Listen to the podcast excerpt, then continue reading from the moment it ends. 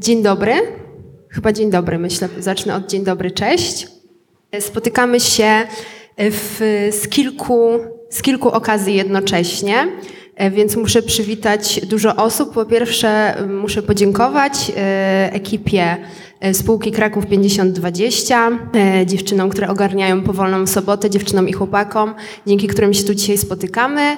Spotykamy się, jak Państwo wiecie, bo na to pobraliście wejściówki w ramach wydarzenia, które nazywa się Powolna Sobota i odbywa się zawsze w którąś sobotę miesiąca w Pałacu Potockich i można zwolnić i się zrelaksować i doświadczyć czegoś miłego. Jednocześnie odbywa się tutaj dzisiaj dla mnie bardzo przemiłe wydarzenie, bo to po raz drugi na żywo i po raz drugi przy udziale publiczności i po raz drugi w Pałacu Potockich nagrywam rozmowę do mojego podcastu, który nazywa się Sztuki Robi. Jest to seria rozmów o sztuce z osobami, które tą sztuką z różnych perspektyw i w różnych dziedzinach się zajmują, więc zachęcam, jest już trochę tych rozmów, można sobie któregoś dnia odpalić. Moją dzisiejszą rozmówczynią jest Marcelina Obarska, którą myślę moi słuchacze podcastowi i słuchaczki podcastowe doskonale znają, bo była pierwszą gościnią ever sztukowego podcastu. A dla tych, którzy dopiero i którzy i które dopiero Marcelinę poznają, to kilka słów wprowadzenia. Teatrolożka, autorka tekstów o sztukach performatywnych, absolwentka teatrologii na Uniwersytecie Jagiellońskim i Gender Studies w Instytucie Badań Literackich PAN, doktorantka w Szkole Doktorskiej Nauk Humanistycznych UW. W kręgu jej zainteresowań znajdują się studia nad zwierzętami, nowe koncepcje ontologiczne i piłka nożna. Jest to rozmowa i piłka nożna, tak. Jest to rozmowa tym bardziej szalona i wyjątkowa, że pierwotny plan był taki, że będziemy tu mieli taki mini panel dyskusyjny i będzie nas czworo. Razem z nami miała być kuratorka powolnych sobót Aga Kozak, która niestety no, zdrowie jest ważniejsze, więc musiała iść o siebie zadbać. Miał być też z nami współautor książki, o której będziemy dzisiaj rozmawiać, bo tego chyba w ogóle jeszcze nie powiedziałam, o czym będziemy rozmawiać. Na razie tylko mówię, że będziemy rozmawiać. Będziemy rozmawiać o książce Historię dotyku autorstwa Marceliny Właśnie i Karola Gromka, którego też dzisiaj niestety z nami nie ma. No więc nie wiem, Marcela, czy my się jakoś będziemy wcielać w te role po prostu? Będziemy odgrywać tutaj jakoś te role? Nie. Nie, myślę, że nie będziemy. Chociaż można by spróbować zawsze odegrać Mogłabym spróbować odegrać Karola, ale chyba nie. No to jak, jak będziesz czuła taki vibe, to możesz się wcielić w niego Dobrze. po prostu. Jak poczujesz, że jakieś pytanie by było bardziej jego, jego, dla niego, to możesz po prostu spróbować się wcielić. No a Karol nie będzie miał po prostu nic do powiedzenia i nie będzie się mógł sprzeciwić, więc możesz powiedzieć Dana wszystko. sytuacja. No. Ym, tak, no więc jakoś to, jakoś to spróbujemy, spróbujemy przeprowadzić. Ym, więc rozmawiamy, porozmawiamy dzisiaj o książce Historię dotyku wydawnictwa Słowo Obraz Terytoria, którą wspólnie z Karolem napisaliście i miała ona swoją premierę nie tak dawno temu, bo początkiem lutego chyba? Początkiem lutego. Więc może, żeby tak wprowadzić, żeby ci, którzy też nas teraz, ci, którzy, które nas teraz słuchają i nie do końca wiedzą jeszcze o co chodzi, Dlaczego historia do, dotyku? Dlaczego dotyk dostał od Was całą jedną swoją książkę? Dlaczego właśnie ten zmysł, to doświadczenie? Chcieliśmy się skupić na pewno na jakimś jednym przejawie rzeczywistości, żeby stworzyć taki namysł, który byłby bliskim czytaniem tej rzeczywistości. Dotyk był takim wyborem, który po prostu był bliski naszej wrażliwości. No i też bardzo pojemnym. Nie? W, w takim sensie, że pozwalającym na zarówno jakiś taki bardzo szeroki opis doświadczenia, ale też na, mm, na mm, spojrzenie przez pryzmat języka, tego w jaki sposób się mówi, czy pisze o dotyku. Mm. No i tak, no pamiętam takie, to w ogóle pięć lat temu ten tytuł e, przyszedł mi do głowy, mam zapisany na, na pamiątkę taki screen z Messengera, e, z którejś zimowej nocy, jak piszę do Karola, wiem, to musi się nazywać historia dotyku. I w sumie nie wiem dlaczego. Znaczy wiem, ale takie źródło, takie mm, możliwe do precyzyjnego określenia nie jest dla mnie do końca jasne w sumie. Ale czy to też wynikało z jakiegoś takiego poczucia że myśleliście, że nie wiem, że jest to jakoś zmysł niedoreprezentowany w kulturze? Czy widzieliście jakąś taką, wiesz, brak jakiś, e, który chcieliście uzupełnić? Nie, mi się nie wydaje, że to jest niedoreprezentowany zmysł. Wydaje mi się, że jest mocno doreprezentowany, a też nasza praca nie była pracą naukową, więc to nie była monografia, nie jest monografia, która ma za zadanie coś uzupełnić, e, jakąś lukę w e, humanistyce. To była raczej praca taka bardzo osobista i taka ważna po prostu dla nas. To też nie jest tak, że jak piszemy książkę tytułem Historii dotyku, to uważamy, że dotyk jest po prostu najważniejszy na świecie i wzrok, słuch są nieważne, czy że są mniej ważne. Po prostu akurat taką na tym się akurat skupiliśmy i też taką przyjęliśmy optykę. To jest też jakiś rodzaj propozycji, żeby spojrzeć na rzeczywistość właśnie w taki sposób. No i też przyjrzeć się jej właśnie według takiego jednego dosyć precyzyjnego klucza, ale właśnie nie wąskiego, no bo kiedy się zaczniemy zastanawiać nad taką dotykową, materialną e, naturą rzeczywistości, no to z jednej strony zawężamy sobie to pole widzenia, ale z drugiej bardzo wiele rzeczy się w tym polu pojawia i też takich nie zawsze e, oczywistych. E, a chciałabym też zapytać Ciebie o samo doświadczenie pisania, które jest przecież również bardzo cielesnym doświadczeniem, dotykowym. E, więc e, jakie to było doświadczenie, tym bardziej, że wy dłuższą niż krótką chwilę pisaliście tą książkę, więc e, domyślam się, wyobrażam sobie, że po drodze zdarzyło się trochę tych dotykowych doświadczeń związanych z pisaniem. No tak, no na pewno pisanie też jest dotykowe, tak jak powiedziałaś, na pewno jest materialne. Na pewno też dla mnie zwłaszcza tekst jest takim performatywnym zjawiskiem, znaczy zawsze jak coś piszę i chciałabym do komuś pokazać, to, to czytam na żywo albo to nagrywam i przesyłam, bo wydaje mi się, że tekst jest właśnie bardzo o ciele, znaczy o takim wykonywaniu tekstu. Mm, nawet jeżeli jest to książka, czy jakieś fragmenty teoretyczne. Mm, ale no, pisaliśmy tę książkę na odległość e, w pliku Google Docs. E, i przez y, pięć lat widzieliśmy się na żywo może nie wiem, z cztery razy.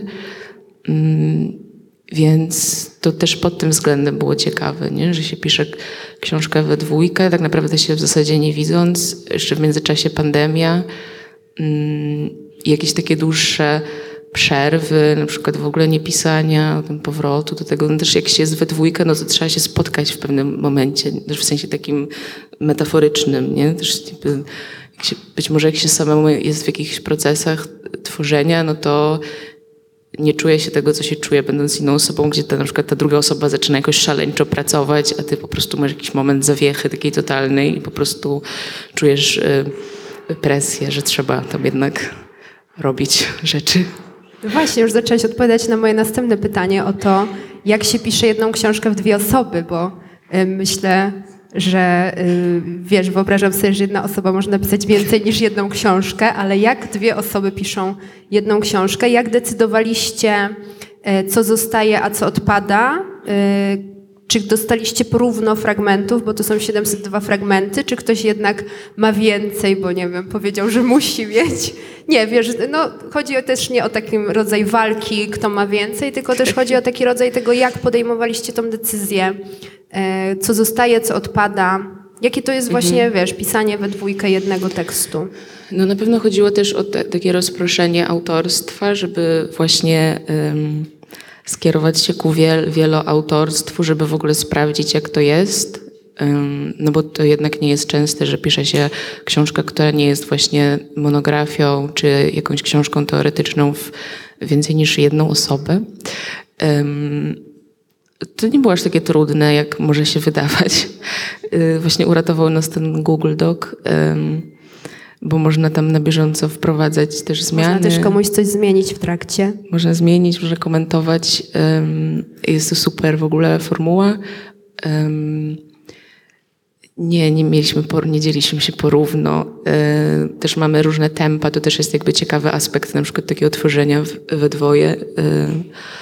Myślę, że też w przypadku literatury to może być y, jeszcze inne, no bo jednak nie da się tak naprawdę we dwoje stworzyć tekstu. Nie? Znaczy zawsze ktoś coś jednak napisze sam i potem można to modyfikować we dwójkę, ale jednak wprowadza się te frazy pojedynczo.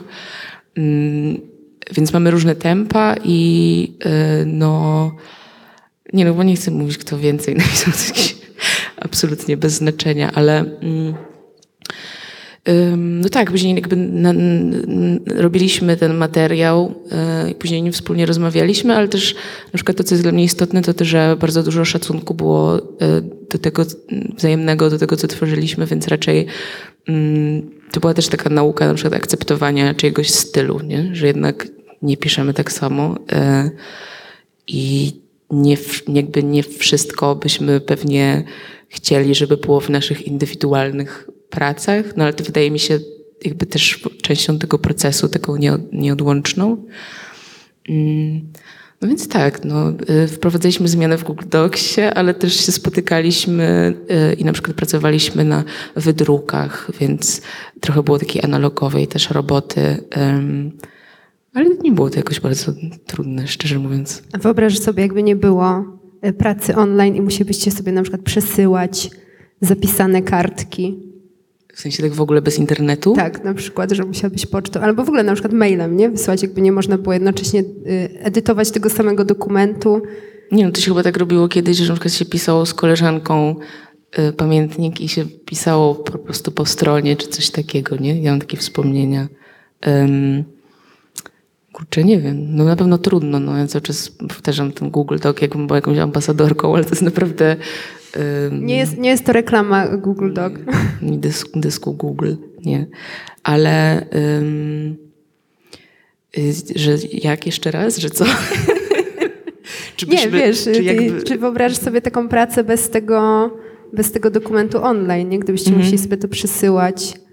E, albo gdybyście tylko mogli się spotykać. I nie, no myślę, że tak. W ogóle też ciekawe jest to, że właśnie ponieważ w Google Docsie pojawiają, widać na bieżąco edycje w jednym pliku, to w pewnym momencie się pojawia taki, pojawił się taki rodzaj na przykład takiego trochę wstydu, że, um, że jakby trochę nie chcieliśmy chyba, żeby ta druga osoba widziała na bieżąco to, co tam robimy, więc jest trochę, było takich trochę okresów na przykład pisania sobie właśnie w notatkach i wklejania tego tam. Um, ale to jest w ogóle bardzo ciekawe, też bardzo polecam takie doświadczenia, bo no to jest bardzo też takie otwierające, takie w zasadzie obnażające, mm, no bo jakby się druga osoba jest we wnętrzu tego nie? i widzi, co ty tam skrobiesz i jak się na przykład mylisz, albo z czego rezygnujesz, albo co się zmieniło, mm, albo co wprowadzasz na szybko, żeby nie zapomnieć, a później kasujesz, bo jednak się okazało chujowe i tak dalej, nie? Więc w sensie beznadziejne i um, no. No właśnie, tu powiedziałeś coś, co teraz mi przyszła do głowy taka myśl, że jednak e, ci, którzy i ci te, te, które już są po lekturze fragmentów, może całej książki, e, wiedzą, że wiele z momentów w tej książce jest bardzo osobistych, bardzo intymnych, bardzo prywatnych. Czy było tak, że na przykład czasem e, dyskutowaliście o tym, że nie wiem, powiedziałaś Karolowi, słuchaj, to jest taki bardzo mój osobisty fragment. Tu gdybyś nawet, gdybyś miał uwagi, to nie wiem, nie ingeruj. Y, czy nie zdarzało się takie, nie stawialiście sobie takich granic między sobą?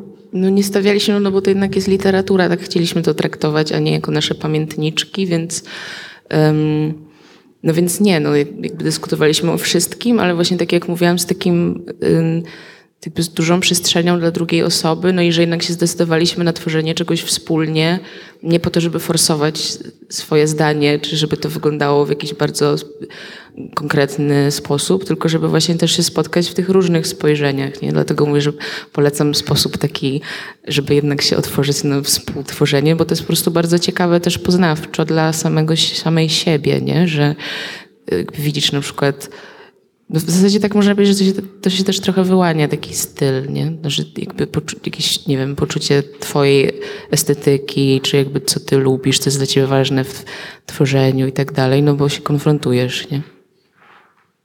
Ale jeżeli chodzi o te osobiste rzeczy, no, no trochę jakby chodzi o to, że po prostu nam obojgu zależało na pewnych tematach, więc te tematy jakiekolwiek by nie były, no to zostały włączone, no ale trochę wiadomo, że pracowaliśmy nad właśnie nad e, no, samą frazą, nie? Albo jakimś takim um, brzmieniem, um, stylem trochę. No, ale żeby też tego jakoś bardzo nie ujednolicać, no bo właśnie w tym jest też wartość, nie? że się różnią trochę.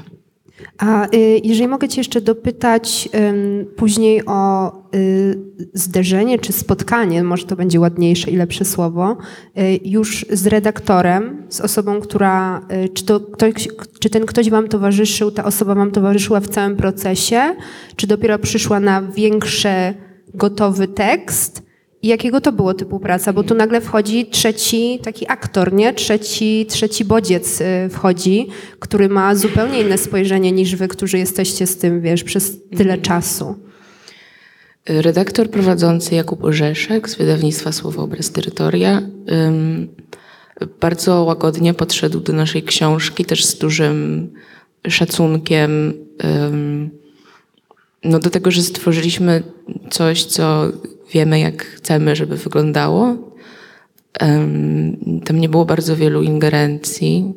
One były raczej stylistyczne, delikatne. Powiedziałabym, że bardzo zrozumiał, o co nam chodziło. Poczuł to i nie, nie próbował jakby forsować jakoś swojego, e, swojej wizji. Chociaż sam jest też autorem, więc mógłby, ale nie. Współpraca była, uważam, że, że super. Jakby każdej osobie piszącej życzę takiej redakcji, która właśnie będzie bardzo zgodna z, z rytmem i jakby z takim, co tam, z tym, co chciałaś po prostu tam ująć, um, a nie będzie próbą na przykład dopasowania tego do, jakich, do jakichś rynkowych wymogów, nie? Czy, czy jakiejś swojej e, wizji, że to w ogóle nie tak powinno wyglądać.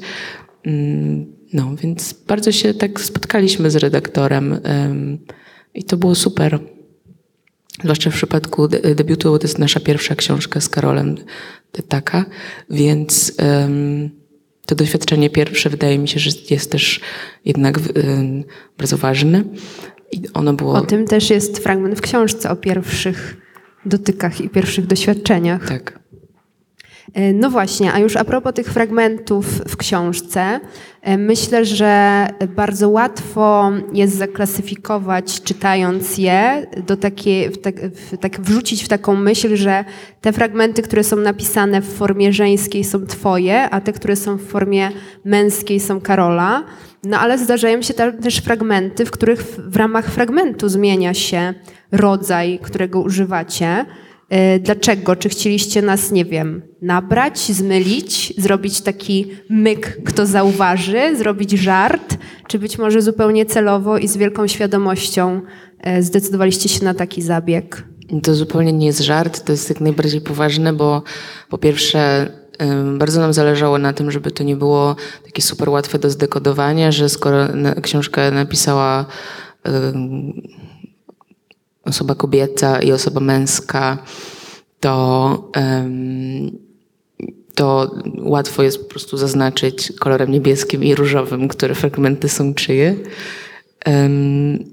To było to. Po drugie, więc tak, jakby taka kwestia odbiorcza po prostu, żeby to trochę rozmyć, e, żeby to jednak stanowiło całość, a nie właśnie zbiorek e, dwóch osób.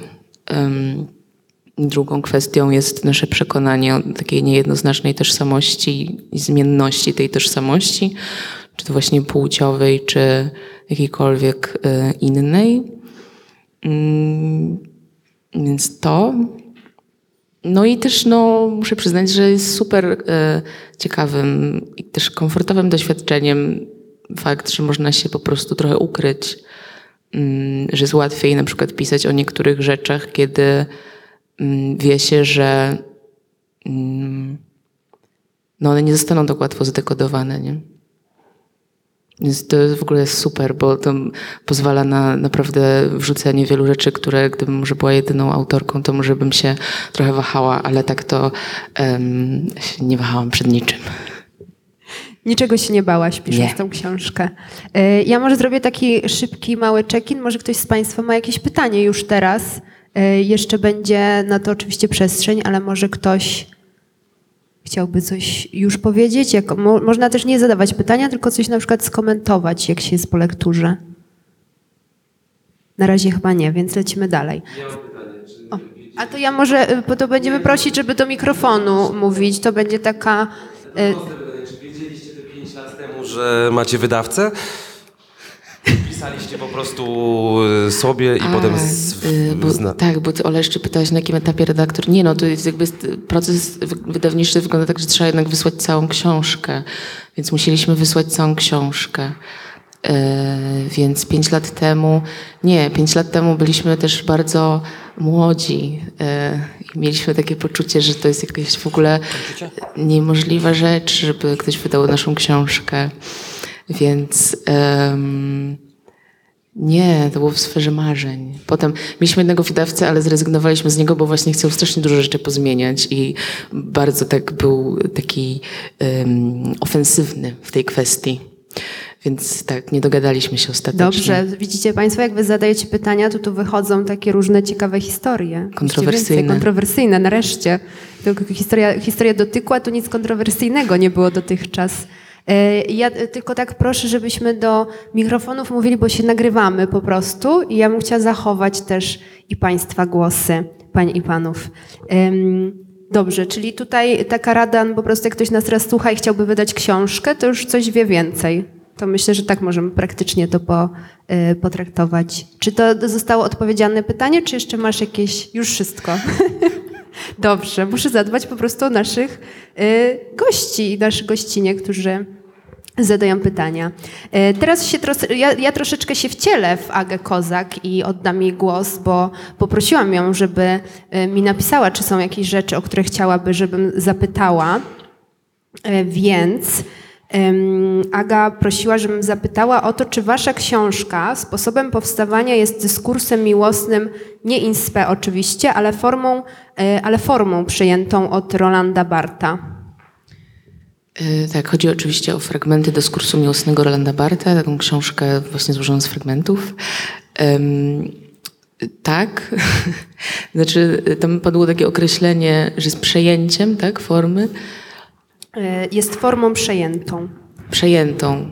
No nie, to, że nie powiedziałam, że jest przejętą, że Roland Barthes nie wymyślił pisania we fragmentach. e, Ale na pewno to była jedna z inspiracji, e, no też pod względem formalnym, nie? że po prostu masz e, jakiś temat e, i książka składa się jakby z całością, e, ale składa się z takich slajdów, które są jakby myślami łączącymi się ze sobą, ale jednak świadczą o takim fragmentarycznym postrzeganiu rzeczywistości, co też jest nam bliskie.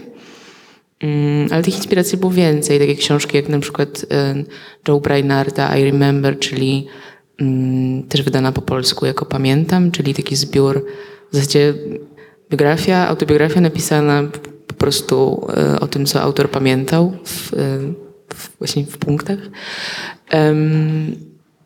No więc, y, czy jest przejęciem? Nie. Czy jest inspirowany y, ten nasz wybór tego rodzaju pisaniem? Na pewno.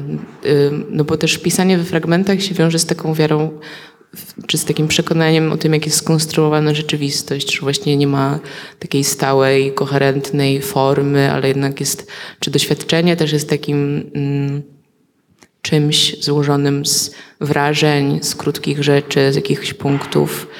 Mm, życie to tylko chwila.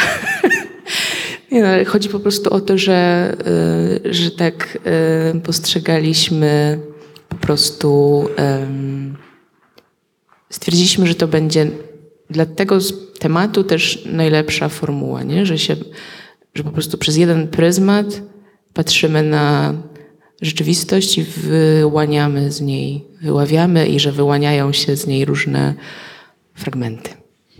E, Coś wspominałaś o inspiracjach, czy jeszcze o jakichś mogłabyś opowiedzieć? O tym, co po drodze przez te lata Ciebie inspirowało? No bo Y, chyba, że teraz chcesz się wcielić w Karola i na przykład powiedzieć, co jego inspirowało. Może wiesz, może o tym dyskutowaliście. Trochę wiem, ale nie chcę za niego mówić. Y, mnie mm, jedną z takich ostatnich inspiracji była książka Ani Erno Lata, którą być może Państwo znają. To jest y, książka ostatniej noblistki literackiej. Mm, jest to właśnie biografia napisana w bardzo szczególny sposób, pokazująca bardzo ważny okres historii Europy, czy też historii Francji i Europy, mm, ale jednak napisana właśnie w takim trybie bardzo bliskiego oglądu rzeczywistości i też takich doświadczeń wrażeniowych, bardzo drobnych niekiedy doświadczeń, takiego wyławiania z przeszłości, ze swojego doświadczenia, takich rzeczy, które zostają, nie? że się nie pamięta całej historii swojego życia, ale jednak się pamięta te no to są po prostu fragmenty, co nie? Więc, yy, więc na pewno ta książka, są tam też w naszej książce takie dwa fragmenty, które jakby dla mnie są takim osobistym, że to jest duże słowo hołd, ale trochę tak, yy, dla tej książki, bo bardzo ją przeżyłam. Brainard, o którym powiedziałam, na pewno coś jeszcze, no bo też no pisanie jest, jakby każde pisanie moim zdaniem jest też formą opowiadania swojej relacji z innym pisaniem, co nie? Że po prostu um, składamy się trochę, jeżeli ktoś dużo czasu poświęca na swoje pisanie, no to składa się trochę z tego, co już przeczytał, przeczytała. No i opowiada się wobec tego. Czasami to są na przykład negatywne przykłady, nie? że nie, nie chce pisać jak ktoś. Um, i na przykład często się pojawia takie porównanie naszej książki do Jolanty Brachczajny, co rozumiem, ale z drugiej strony też to nie do końca była inspiracja. E, więc myślę, że czasami takie. Mm, no właśnie to też jest ciekawe, nie? że się czasami z innymi dziełami nawiązuje taką relację, która jest w zasadzie negatywna, nie? w sensie z negatywnym punktem odniesienia. Więc tak. Dalej zachęcam do zadawania pytań. To, to tutaj mikrofon. Chciałam zapytać, do której książki yy, Brachczejny i czy ta relacja jest negatywna, dobrze zrozumiałam? I co to znaczy? Deszczelin, Brachczajny. Trochę znaczy to, że y, ta książka mnie zdenerwowała chociaż ją bardzo doceniam, ale mm, w naszej książce jest taki fragment o zmęczeniu pewnym bardzo takim intensywnym e, namysłem nad rzeczywistością i nad takim, że można przekroczyć taką granicę między bardzo dokładnym oglądaniem rzeczywistości, takim osobistym podejściem i właśnie takim bliskim jej czytaniem, a takim trochę mm, wnikaniem szaleńczym w e, jakieś bardzo głębokie poziomy e, i mnie to osobiście w pewnym momencie zmęczyło podczas lektury Brachczajny e, i o tym zmęczeniu też piszemy na przykład nie? W, u nas w historiach dotyku. Dziękuję. Bardzo proszę. Również dziękuję za pytanie. Jeszcze jakieś może jest pytanie? Ktoś ma jakąś y, uwagę, myśl? Dobra, idziemy dalej. E, tutaj jeszcze mm, wcielając się dalej, ja, ja ty, ty, tak się nie chcesz wcielać w Karola, a ja bardzo swobodnie po prostu sobie tutaj za Agę mówię. Ja nie wiem, czy ona później jak tego posłucha, to... No bo ty wiesz, co Aga chciała powiedzieć, a ja nie wiem do końca, co Karol chciał powiedzieć. Jakby mi to wysłał wcześniej, to bym mogła... Ja nie wiem, czy ja wiem, co Aga chciała powiedzieć wysłała Ja sobie to przepisałam, może źle, może z błędami. Żartuję oczywiście, Aga mi tak napisała i ja tak, e, tak staram się to odczytać najlepiej, jak zrozumiałam. Aga też chciała dopytać o to, że mm, według niej kapitalizm dotyku wcale tak mocno nie eksploatuje. E, oczywiście robi to, nie wiem, branża pornograficzna, która która też na przykład wykorzystuje już nowe technologie, VR i tak dalej, ale jednak ten, ten dotyk nie jest tak skapitalizowany jak inne zmysły, wzrok, słuch i zapach. I czy to też jest Twoje doświadczenie? Czy, czy się z tym byś zgodziła? Czy opowiedziałabyś jednak coś innego z perspektywy autorki? Nie jest moja obserwacja zupełnie. Wydaje mi się, że kapitalizm bardzo skutecznie utowarowił wiele zjawisk i jakby dotyk nie jest w ogóle tutaj y, wyjątkiem i też przecież mamy takie mm, produkty, jak na przykład ma masaże, które się stają w zasadzie już e, doświadczeniami, tak są sprzedawane i ramowane, a nie na przykład zabiegami. Więc e, no nie, wydaje mi się, że, że jak najbardziej to jest też przedmiot i towar. Też nie wydaje mi się, że to było jakoś bardzo, no bo mówimy z jednej strony, że e, rzeczywistość jest taka okulocentryczna i taka bardzo wizualna, no ale z drugiej strony ona jest bardzo y, dotykowa, nie? że ostatnio na przykład się dowiedziałam, że już nie można złożyć wniosku o dowód przez internet, bo trzeba przyjść do urzędu i przyłożyć dwa palce, żeby odciski zostały. To jest bardzo ciekawe w ogóle, że się wydawało, że już jesteśmy na takim etapie, że w zasadzie wszystko, że już nie będzie na przykład mm, dowodu takiego fizycznego, tylko nie wiem, będziemy mieć chip albo dowód w telefonie czy coś, a teraz się okazuje, że właśnie tak jakby cofamy się trochę, znaczy cofamy się, może nie jest dobre określenie, ale że jakby wracamy do tego, że właśnie trzeba się osobiście stawić i dotknąć jakiejś maszyny, nie? To jest ciekawe. Albo, że na lotnisku na przykład przejść przez bramkę też w ten sposób. Y, no rzeczywiście, być może to jest trochę tak, że po tej erze, mm, po tej erze niedotykania się i albo dotykania się tylko łokciem, jednak gdzieś tam podświadomie wracamy do tego dotyku, bez którego przecież też można, y, no jakby brak dotyku też jest y, chorobą później w pewnym momencie, nie? No tak, no to też jest na przykład ciekawe, że jakby takie kryzysy jak właśnie pandemia są takim czasem, kiedy się chętnie stawia różne takie diagnozy typu już nie będzie teatru na żywo albo tam inne te, tego typu wielkie statementy, a potem się okazuje, że w zasadzie wszystko wraca do normy, nie? I, i też na przykład właśnie pokazać ten gest witania się łokciem i to też było dla mnie bardzo interesujące, że na początku pandemii y, nie wiadomo było jak się witać, nie? Że jakby ciało ma ten odruch, jakikolwiek, nie? nawet poklepania po ramieniu, jakby whatever, ale nie, nie, nie można, trochę jakby nie wiadomo, czy można, czy jakby ta osoba sobie życzy tego, a ktoś nie. No i to też było dla mnie interesujące, że ta, jak, jak ta choreografia na przykład się zmieniła, nie? Choreografia witania się. No jednak ten y, dotyk rzeczywiście mi się wydaje, że bardzo widać teraz szczególnie, że tęskniliśmy za nim jednak, że mimo iż, y, iż byśmy właśnie chcieli pomyśleć, chciały pomyśleć, że że, patrzy, że konsumujemy obrazy na przykład, czy że, że słuchem chcą nas w galerii handlowej, puszczają muzykę świąteczną, żebyśmy dłużej tam zostali, żeby nam było miło, ale jednak y, myślę, że tęskniliśmy wszyscy za, za, za drugim ciałem, za dotykiem, za byciem w przestrzeni z innymi. O, o pandemię, tak? Żeby to, ale wydaje mi się, że jednak trochę czym innym jest rzeczywiście dotykanie się, czyli taka bliska obecność, a czym innym jest po prostu współobecność jakby taka fizyczna ciało w jednej przestrzeni, co nie? Że, że niekoniecznie na przykład ktoś, kto mm, bardzo tęsknił za towarzystwem, chce teraz być dotykany przez wiele osób i tak dalej.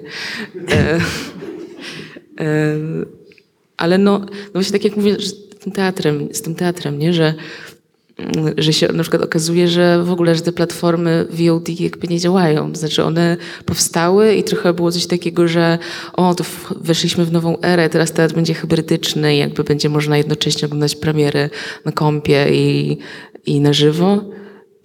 No ale w ogóle tak nie jest, nie? I, i też jakby case tego, że co jakiś czas się pojawia jakiś genialny człowiek, który wymyśla platformę streamingową, teatralną, która po prostu upada albo jest oglądana, nie wiem, przez siedem osób, nie? że są takie, tak samo jak z książkami, to są, dlatego się śmieję z takich diagnoz, no bo też badania, przecież e, czytałam też raport e, Biblioteki Narodowej o czytelnictwie książek jakby w różnej formie, no i e-booki, no one są czytane, ale to jest w ogóle nie, kompletnie nieporównywalne do, do książek papierowych, no, więc to cały czas jednak potrzeba jakiejś taki, potrzeba kontaktu.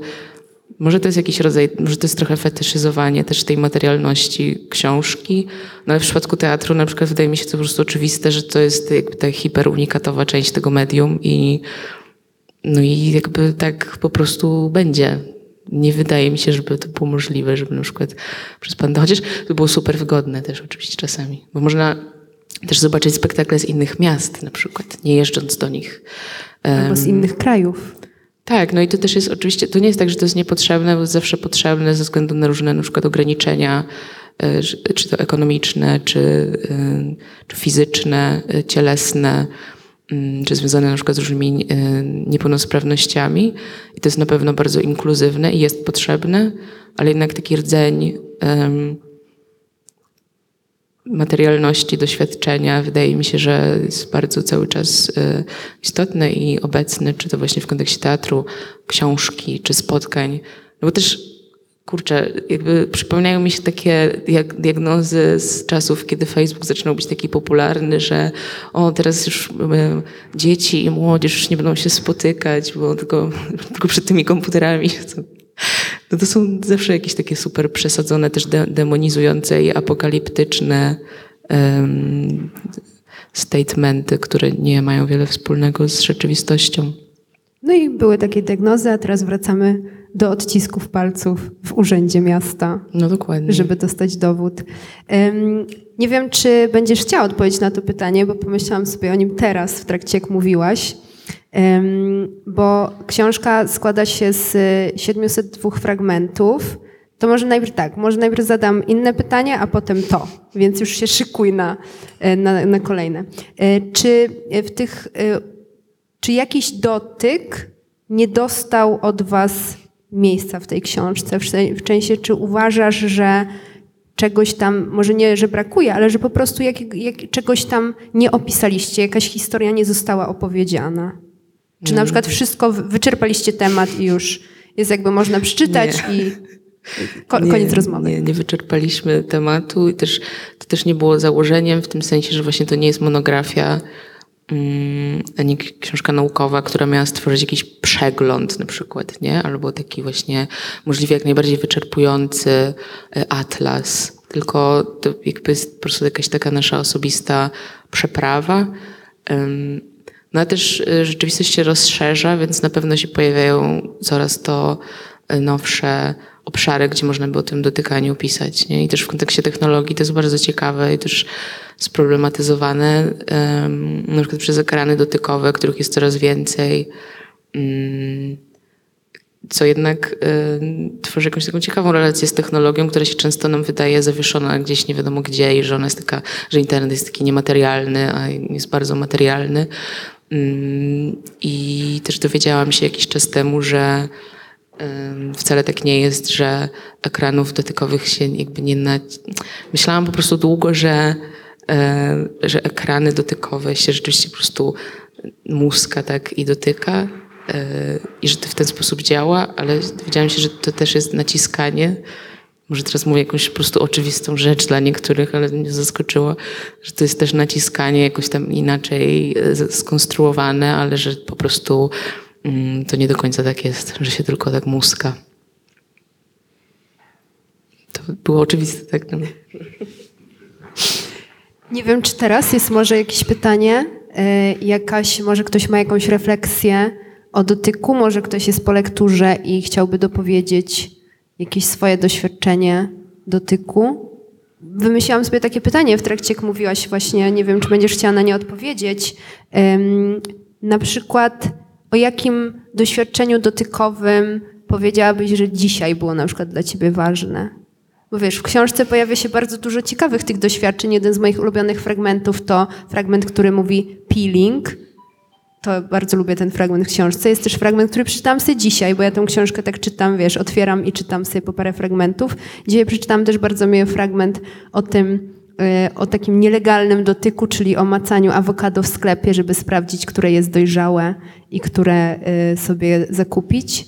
E, więc czy dzisiaj na przykład jakieś doświadczenie dotykowe było dla ciebie ważne?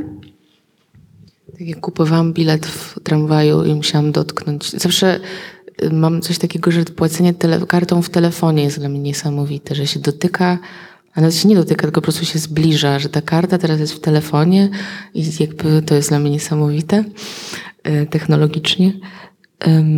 Zawsze mnie to dziwi też po prostu, jak to robię, że to tak można. Ale czy... Kurczę, no tak, wystarczy palcem dotknąć na ekranie, Nie, ja twarzą nie? odblokowuję w ogóle, więc tak naprawdę płacę twarzą odblokowuję kartę, naciskam dwa razy, przykładam do buzi i płacę. To jest w ogóle szaleństwo, ale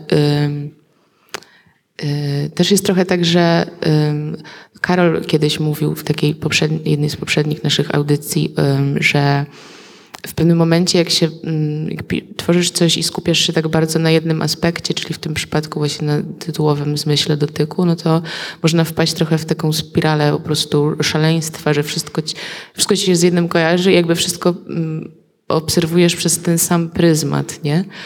I mm, to też było dla mnie na przykład męczące w pewnym momencie, że, że jednak jest to z jednej strony bardzo otwierające, jeżeli chodzi o spojrzenie na rzeczywistość, bo odkrywamy dużo nowych e, zjawisk, czy mamy wiele, więcej obserwacji e, na temat rzeczy, których, o których wcześniej nie, być może nie myśleliśmy lub nie mieliśmy ich tak wyraźnie w świadomości swojej. Ale z drugiej strony to też właśnie sprawia, że trochę się wpada w taki tunel, zwłaszcza jeżeli się pisze fragmenty, że co by tu jeszcze, co nie? Że po prostu co tu jeszcze by jakby... Przez ten mózg zaczyna tak bardzo dzi- dziwnie pracować. Yy, co? Co by tu jeszcze zmacać, ale no trochę... Co, co może siebie dotknąć, co można Ale trochę dotknąć? tak, nie? Że później patrzę na, siedzę przy biurku i patrzę na moje te y, lampka, jest ładowarka i coś tam i patrzę na to i z tego się wziął fragment kable, kabelki. No bo po prostu nagle się łapiesz na tym, że ta rzeczywistość jest naprawdę hipermaterialna i w zasadzie wszystko mm, można opowiedzieć poprzez tę materię. Mm, No i trochę zaczynasz wariować. Mm, Więc ja już dzisiaj, y, nie, dzisiaj nie myślałam o, o tym, czy jakiś dotyk poza właśnie odblokowaniem telefonu twarzą i zapłaceniem kartą w tramwaju na mnie zrobił wrażenie. Chyba nie, ale jak o tym mówisz, no to mm, oczywiście już w mojej głowie się otwiera tysiąc szufladek, że może to był ten makaron albo coś, nie? Że jakby z każdego doświadczenia można wyłowić właśnie no właśnie można wyłowić coś, co można by opisać przez te, właśnie w, te, w ramach takiej optyki, nie? Czyli możemy teraz trochę zachęcić e, i osoby zebrane w pałacu, i ty, tych, którzy, które nas słuchają e, w, w podcaście, do tego, że jest jeszcze parę innych zmysłów, więc może oni mogą się zafiksować na innych. Na pewno to jest taka propozycja też y, pewnego ćwiczenia myślowego. Y, Niekoniecznie to musi być związane z pisaniem o tym, Mm, ale no tak, jest to propozycja jakiegoś y, namysłu, mm, zawężenia sobie trochę patrzenia.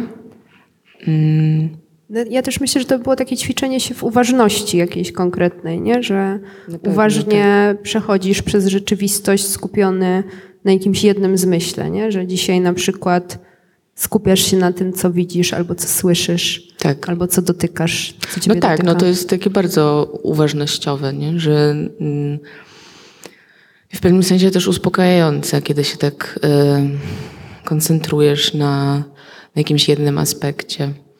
Więc na pewno to też wytwarza jakąś taką własną ciekawą relację. Może wytwarzać własną ciekawą relację z, z własnym doświadczeniem, nie?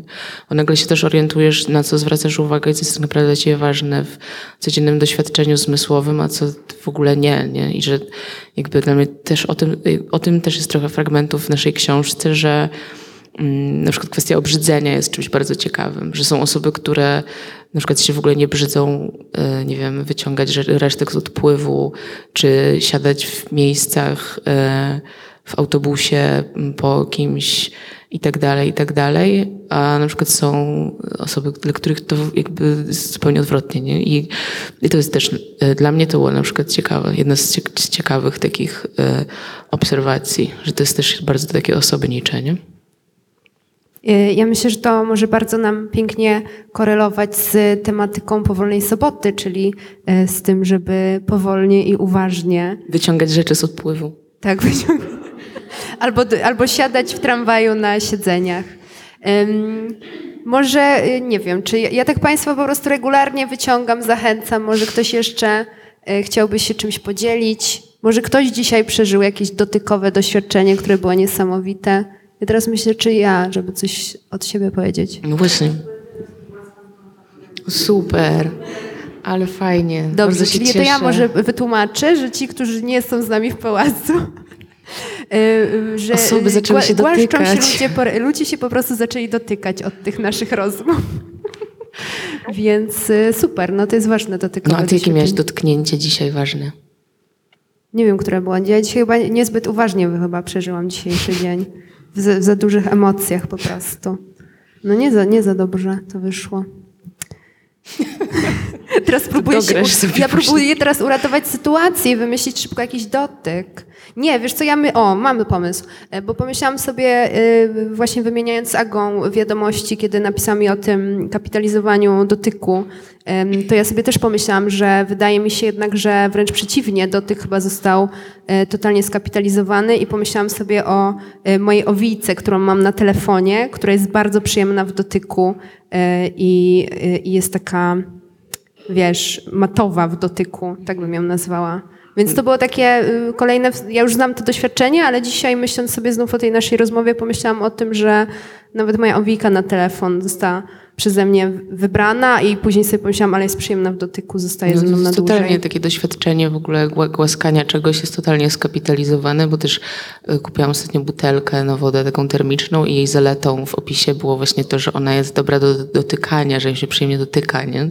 Jakby to miało jakieś takie prymarne znaczenie dla picia na przykład. Ym, no, ale się okazało, że tak. No. Miłe w dotyku. Przedmioty miłe w dotyku, których w zasadzie No, zresztą y, nie wiem, czy ktoś z Państwa tutaj jest w posiadaniu historii dotyku. Okładka też jest bardzo Tak, właśnie. miła w dotyku, więc Okładka, okładka naszej książki jest zaprojektowana w taki sposób, żeby można ją było też, żeby było też przyjemnie ją dotykać, więc za, zachęcam bardzo do tego. czyli jednak nie, nie, nie do e-booka zachęcasz, tylko do Jest w e-booku, ale to właśnie też jest dziwne, że nie to, że jest, ale, ale to, że yy, tak, że można ją w ten sposób czytać. Yy, no, że można książkę Historii dotyku czytać w e-booku, a ona jest wydana rzeczywiście tak, żeby, żeby doświadczenie kontaktu z tą okładką też było takie haptyczne, jak to się mówi, czyli właśnie dotykowe. Dobrze. Bardzo Ci dziękuję, Marcelina, za to, Dziękuję. że, że się ze mną, z nami, e, z słuchaczami i słuchaczkami podzieliłaś e, swoimi refleksjami o historiach dotyku. E, Zachęcam i Państwa tu zebranych, Panie i Panów zebranych w pałacu i moich słuchaczy i słuchaczki podcastowych do tego, żeby się z książką zapoznać. No jest wspaniała, bo to nie jest tak, że, że trzeba otworzyć na pierwszej stronie i zamknąć na ostatniej, czytając całość po kolei, tylko można sobie właśnie taką lekturę robić fragmentaryczną, czyli wykorzystać to, że ona jest tak napisana i codziennie sobie jakiś jeden fragment przeczytać albo pięć. że każdą książkę można tak otwierać, ale y, też bardzo, bardzo jako współautorka zachęcam do lektury y, też chociaż raz w całości, bo te fragmenty ze sobą dialogują i one się do siebie nawzajem odnoszą i czasami niektóre sekwencje są bardzo spójne wewnętrznie i mm, tak, i bardzo wiele otwierają i też y, Y, Też nie traktowałam tej książki jako zbioru sentencji już jest napisane w fragmentach, no bo te fragmenty po prostu odnoszą się do tego, jak właśnie patrzymy na rzeczywistość, czyli na taki po prostu taką mozaikę wrażeń. Bardzo Ci dziękuję jeszcze raz. Dziękuję. E, dziękuję. Dziękuję Państwu. E, Dziękuję też Państwu, że przyszliście, że posłuchaliście, że e, jeżeli chcecie teraz zadać Marcelinie jakieś pytania, to myślę, że na pewno bez problemu, chociaż widzę, że ucieka. E, A ja jeszcze tylko jedno słowo zakończenia, e, czyli dla osób, które nas teraz posłuchały w różnych streamingach. E, Dziękuję, że wysłuchaliście, stawiając kropkę, dziękuję, że wysłuchaliście rozmowy z Marceliną. Zapraszam Was do, na kolejną rozmowę za dwa tygodnie. Słyszymy się za dwa tygodnie. Tymczasem róbcie sztuki.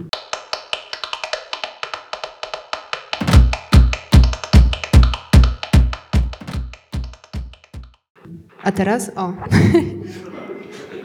tak się właśnie umiem obchodzić ze sprzętami. Nagrywam na co dzień podcast, jak coś.